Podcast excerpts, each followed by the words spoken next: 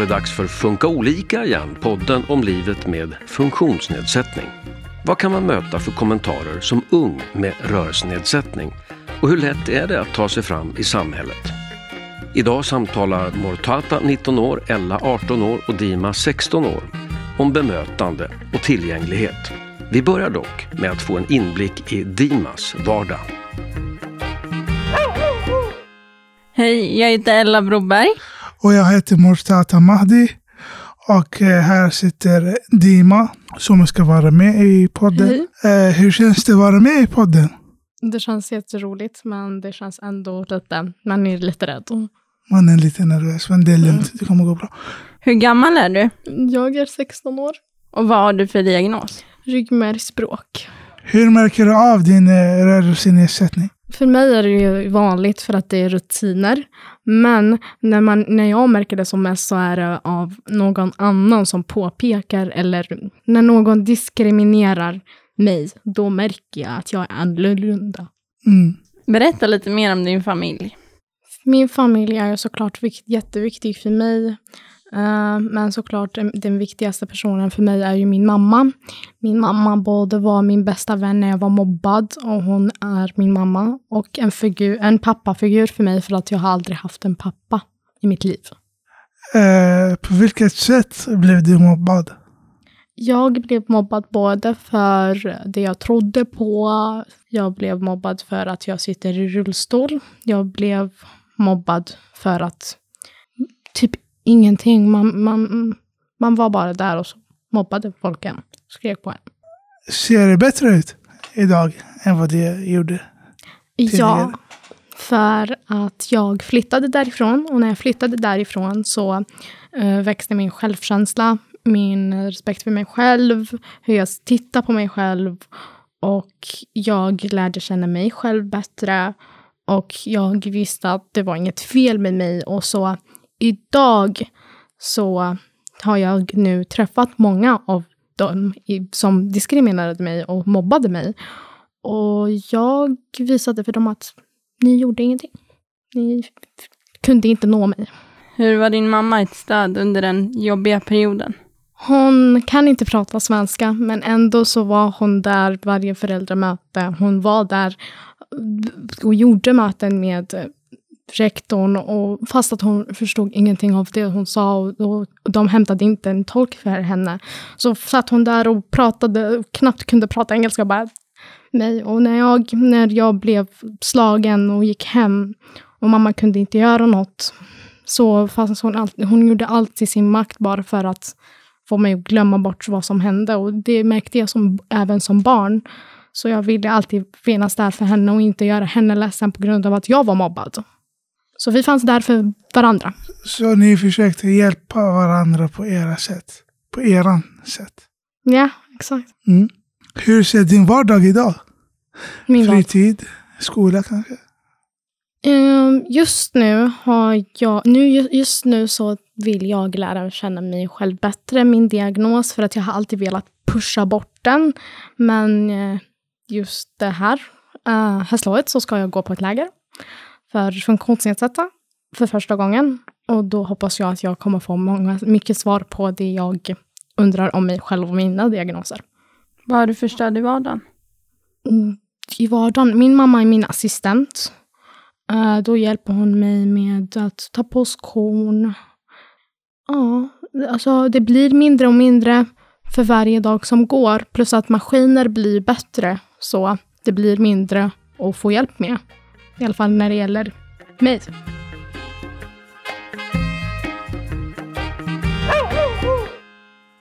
Och det här med assistent, eh, hur upplever du det? Är det något som har blivit bättre? Är det något som kan utvecklas? Är det något som eh, är bra redan? Jag, ty jag tycker det beror på. I vissa skolor, så när man sa sin åsikt, uh, när man tyckte okej, okay, det här behöver jag, det här behöver jag. Och till exempel man, små saker för att ens assistent är ju inte bara en assistent. Hon måste ju också vara en vän. För att man kommer ju vara med den personen jättemycket. Och då, när jag, då borde jag bestämma ganska mycket, enligt mig själv, över vad, hur, vilka saker som jag behöver för min assistent. Och vissa skolor så respekterade de det. Och vissa så gjorde de inte det. Och ja, Och hur var det? Jag berättade om att jag behöver en... Att det spelade roll med hur gammal personen var, enligt mig. Um, för att jag har upp, på grund av att jag har blivit påverkad av folk som är mycket äldre i åldern. Uh, till exempel en kvinna som var typ 53. Hon trodde att hon var min mamma. Eh, varje gång jag behövde gå ut för att göra någonting. Eller jag var ju liten så jag ville skolka. Hon borde ju inte... Eh, eller ja, då kom hon typ tvingade in mig. Och fast att läraren gjorde ingenting. Vi gick ju typ dagis. Sorgligt att höra, eh, tycker jag. Det är viktigt att vi får assistenter. Eller att du får assistenten som du känner dig trygg med. Man borde faktiskt ha rätt till det. Eh, Assistenter som eh, gör ens vardag enklare, inte svårare. Ja, alltså assistenten är till för att du ska känna dig aktiv eller bra i, i liksom vardagen. Sådär. Så det är problem om, om assistenten är inte tillräckligt kapabel, om jag ska uttrycka mig så. Har du varit med om assistenter som du kanske inte riktigt klickar med? Eh, nej, Eh, det är kanske inte att jag har tur, men jag har inte haft assistent på så sätt. Jag har haft ledsagning. Och, alltså, och det har fungerat perfekt för att assistenten är, har jag känt liksom sedan länge och vi har fungerat tillsammans. Eh, jag klickar väldigt bra med mina assistenter. Jag tycker att det är bra att de är lite äldre. För att då får man så här klok, mycket kloka råd och så hur man ska klara, klara av vardagen. Ja, det kanske beror på eh, eh, vem äldre person. Just i mitt fall så var det som ville kontrollera mitt liv och ville vara min mamma. Och hur är det nu då? Har det blivit bättre? Nu har jag eh, en bra vän till familjen som är min assistent i skolan. Så det går jättebra. Och hon hjälper mig också med mina lä- lä- läxor och eh, jag fuskar ibland från henne. Hon har fått faktiskt alla A från naturlinjen, så hon är väldigt smart. Eh, hur ser ni på tillgängligheten i samhället? Någonting som ska kunna utvecklas och bli bättre. Speciellt i stan. Där så känner man, eller upplever man att det är någonting som man kan utveckla. Från kafén till salonger, Eh, restauranger. Jag hade en eh, händelse där jag gick ut med mina vänner. Eh, vi var ett ganska stort gäng då. Och vi skulle gå på ett café. Det fanns trappor. Så kaféet hämtade en filt till oss och satte oss på marken utanför kaféet. Jag ville inte backa. Jag sa, jo du, du ska lösa det, även ifall du lyfter mig upp. Och då sa de, haha, sitt på golvet. Jag bara, uh. Sen ville jag fortsätta bråka. Men mina vänner sa, vi gillar inte att bråka, vi sitter på golvet. Jag bara, uh, okej, det är inte, okej, ja, okej. Men det är bra att vara så här um, hård, så- eller inte hård och hård, men säga till på skarpen att jag vill ha hjälp med det här uh, och ni ska kunna lösa det på ett sätt. För jag tycker allting ska vara tillgängligt. Även fast det inte är det idag så vill jag att det ska bli så. Särskilt när det gäller mu- museum och olika kulturarv och sådär.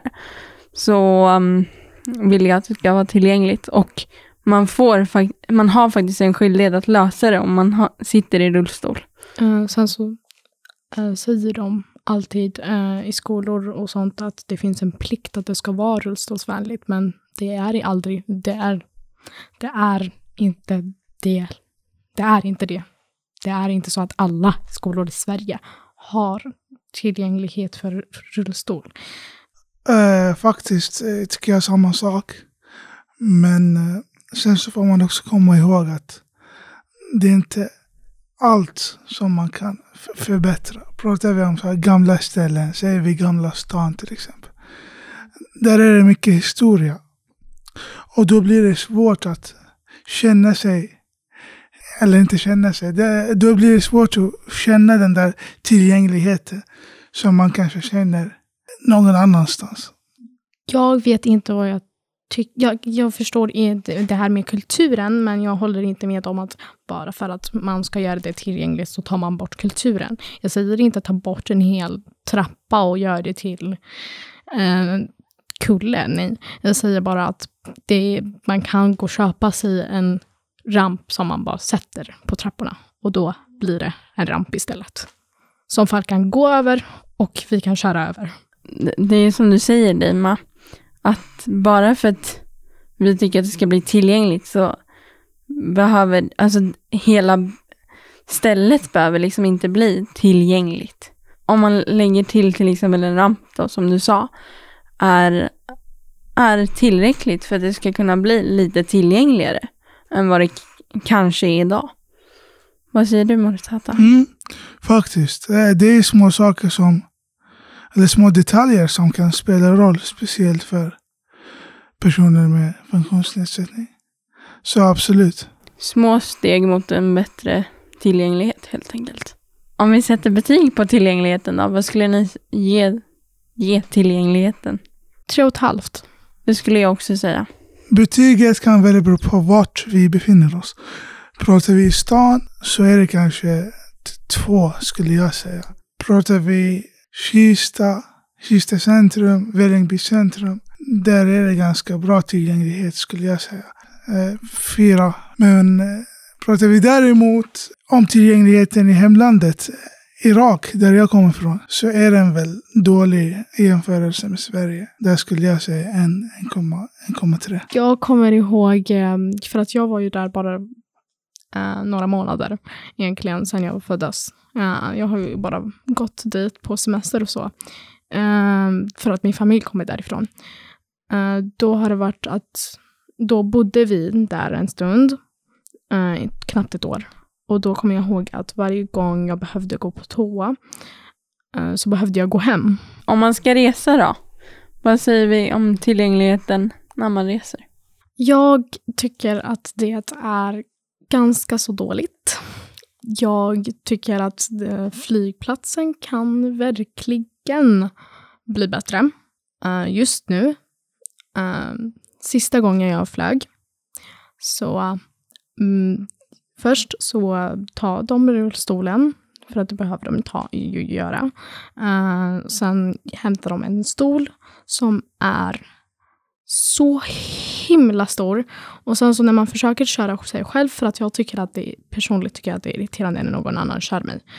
Så eh, du, behöver man sträcka på sina armar jättemycket och det känns jätteobekvämt.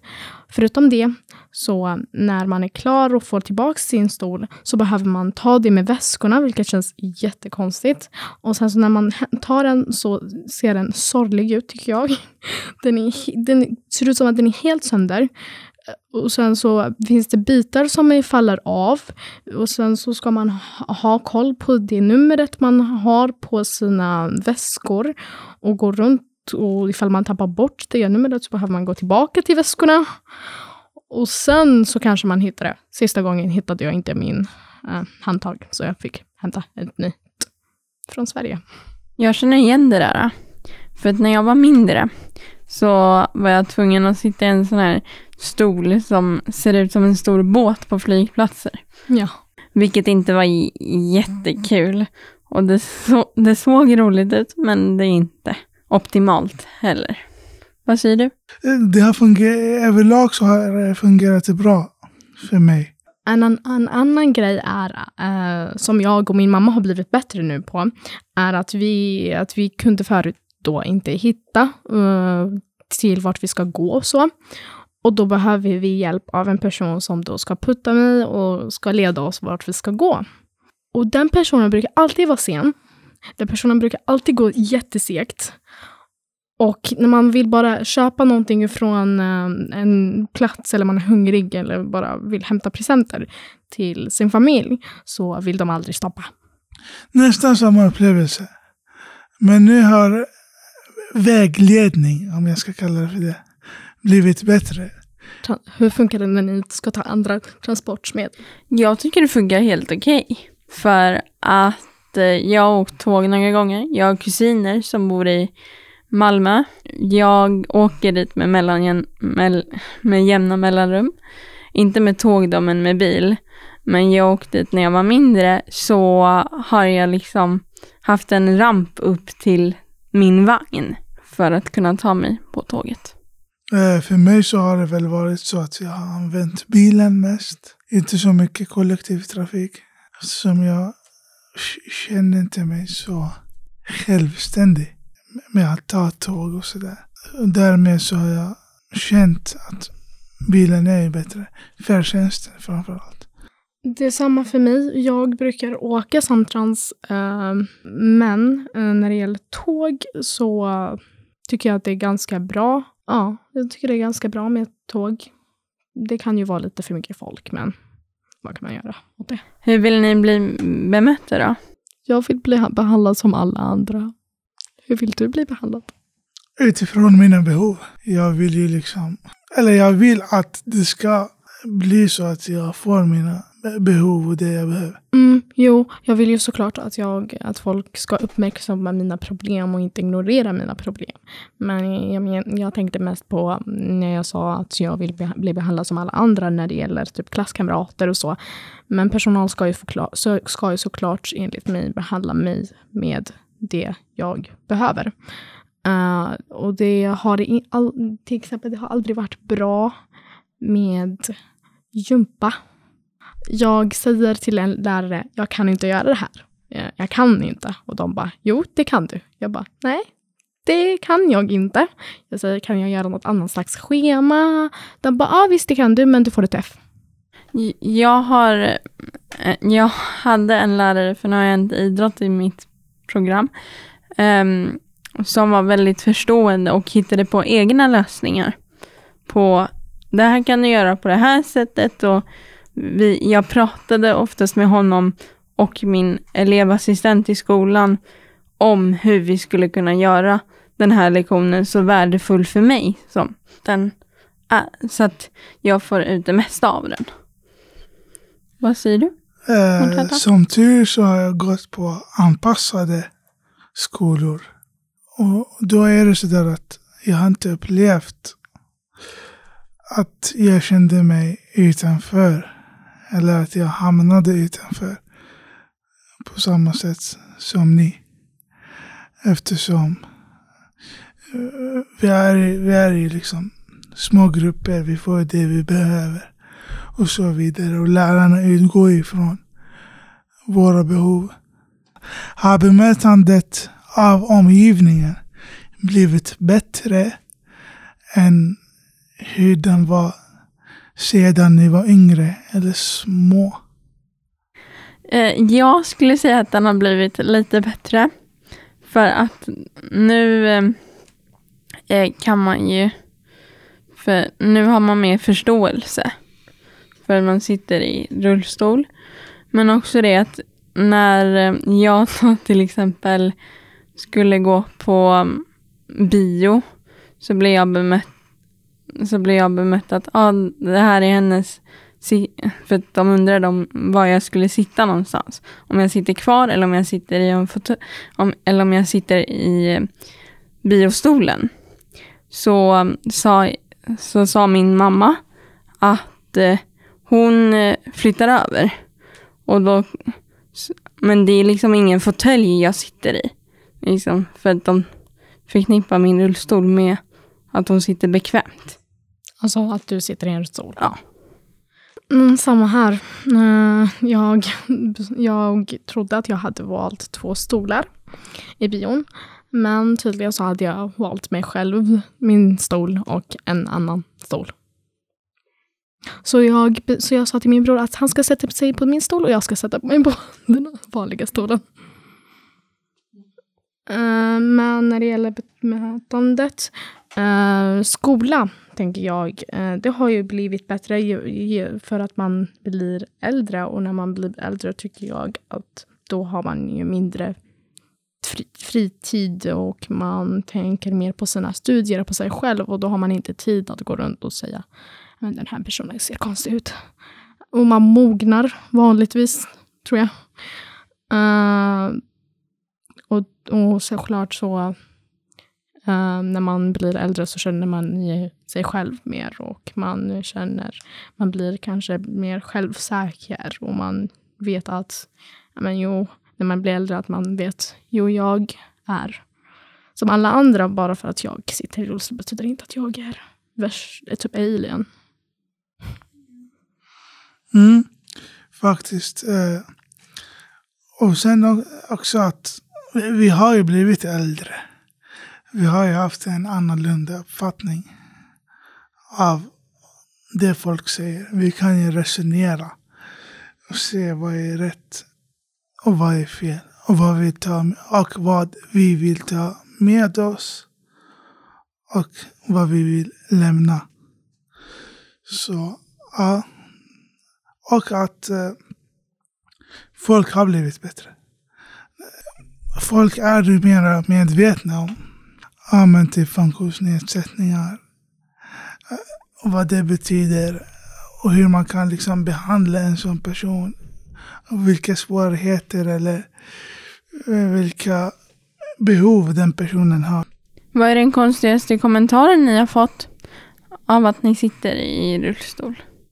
Personligen så har en kille som är typ 20 kommit fram till mig och sagt Känner du ditt underliv? För mig så var det av en läkare. Eh, det var när jag skulle söka för eh, körkort. Och läkaren var inte specialist. Jag ville, jag ville göra um, undersökningarna som Transportstyrelsen bad om. Och då tog jag mig till läkaren och sådär. Eh, som i början inte kunde hjälpa mig, hjälpa mig för att han var inte specialist inom området. Kunde därför inte göra eh, undersökningarna. Men han, trots det så tyckte han att jag satt i rullstol. Och jag skulle aldrig kunna köra, ta körkort. Och att det skulle vara farligt om jag gjorde det. Farligt för andra. Min konstigaste var att när, när jag var, när jag gick i femman kanske det var, så var det en elev som sa typ att är du fem år eller är du fem år eller yngre för att jag inte kunde knäppa jackan själv. Liksom. Det, det gjorde ont. Hur hade du behandlat den situationen idag? Jag hade sagt att eh, jag, jag är inte fem år, men eh, jag behöver hjälp att knäppa jackan. Det är väl inte så konstigt? Eh, som avslutningsvis så kan man undra, hur vill du att andra ska bemöta oss? Jag eh, tycker att de ska bemöta oss som alla andra. Vad tycker du Dima? Jag tycker att man borde behandla inte bara oss, vilken person som helst, som man själv vill bli behandlad. Faktiskt, exakt. Samma åsikt. Nu är vi snart klara. Men innan vi avslutar, hur känns det att ha gjort en podd? Eh, det var bra. Man fick ju prata lite allmänt. Spekulera liksom. Utan fakta och press. Och så fick man liksom ta upp sina åsikter. Det var jättebra. Jag äh, tyckte det var roligt och sen så var det jag fick några ord till äh, särskilt föräldrar som jag tycker äh, som jag har alltid velat säga till min mamma och alltså ge det till andra föräldrar som kanske borde ta det lugnt, andas. Och jag tycker exakt samma sak. Att det har varit superkul att träffa nya människor och härligt att prata igenom på ett väldigt avslappnat sätt sina åsikter om sin eh, funktionsnedsättning. Och... Du har lyssnat på Funka olika som är en podd från Habilitering och hälsa, en del av Region Stockholm. Det här var det sista avsnittet med Dima, Ella och Mortata. Men vi är snart tillbaka med nya avsnitt och vi hörs då.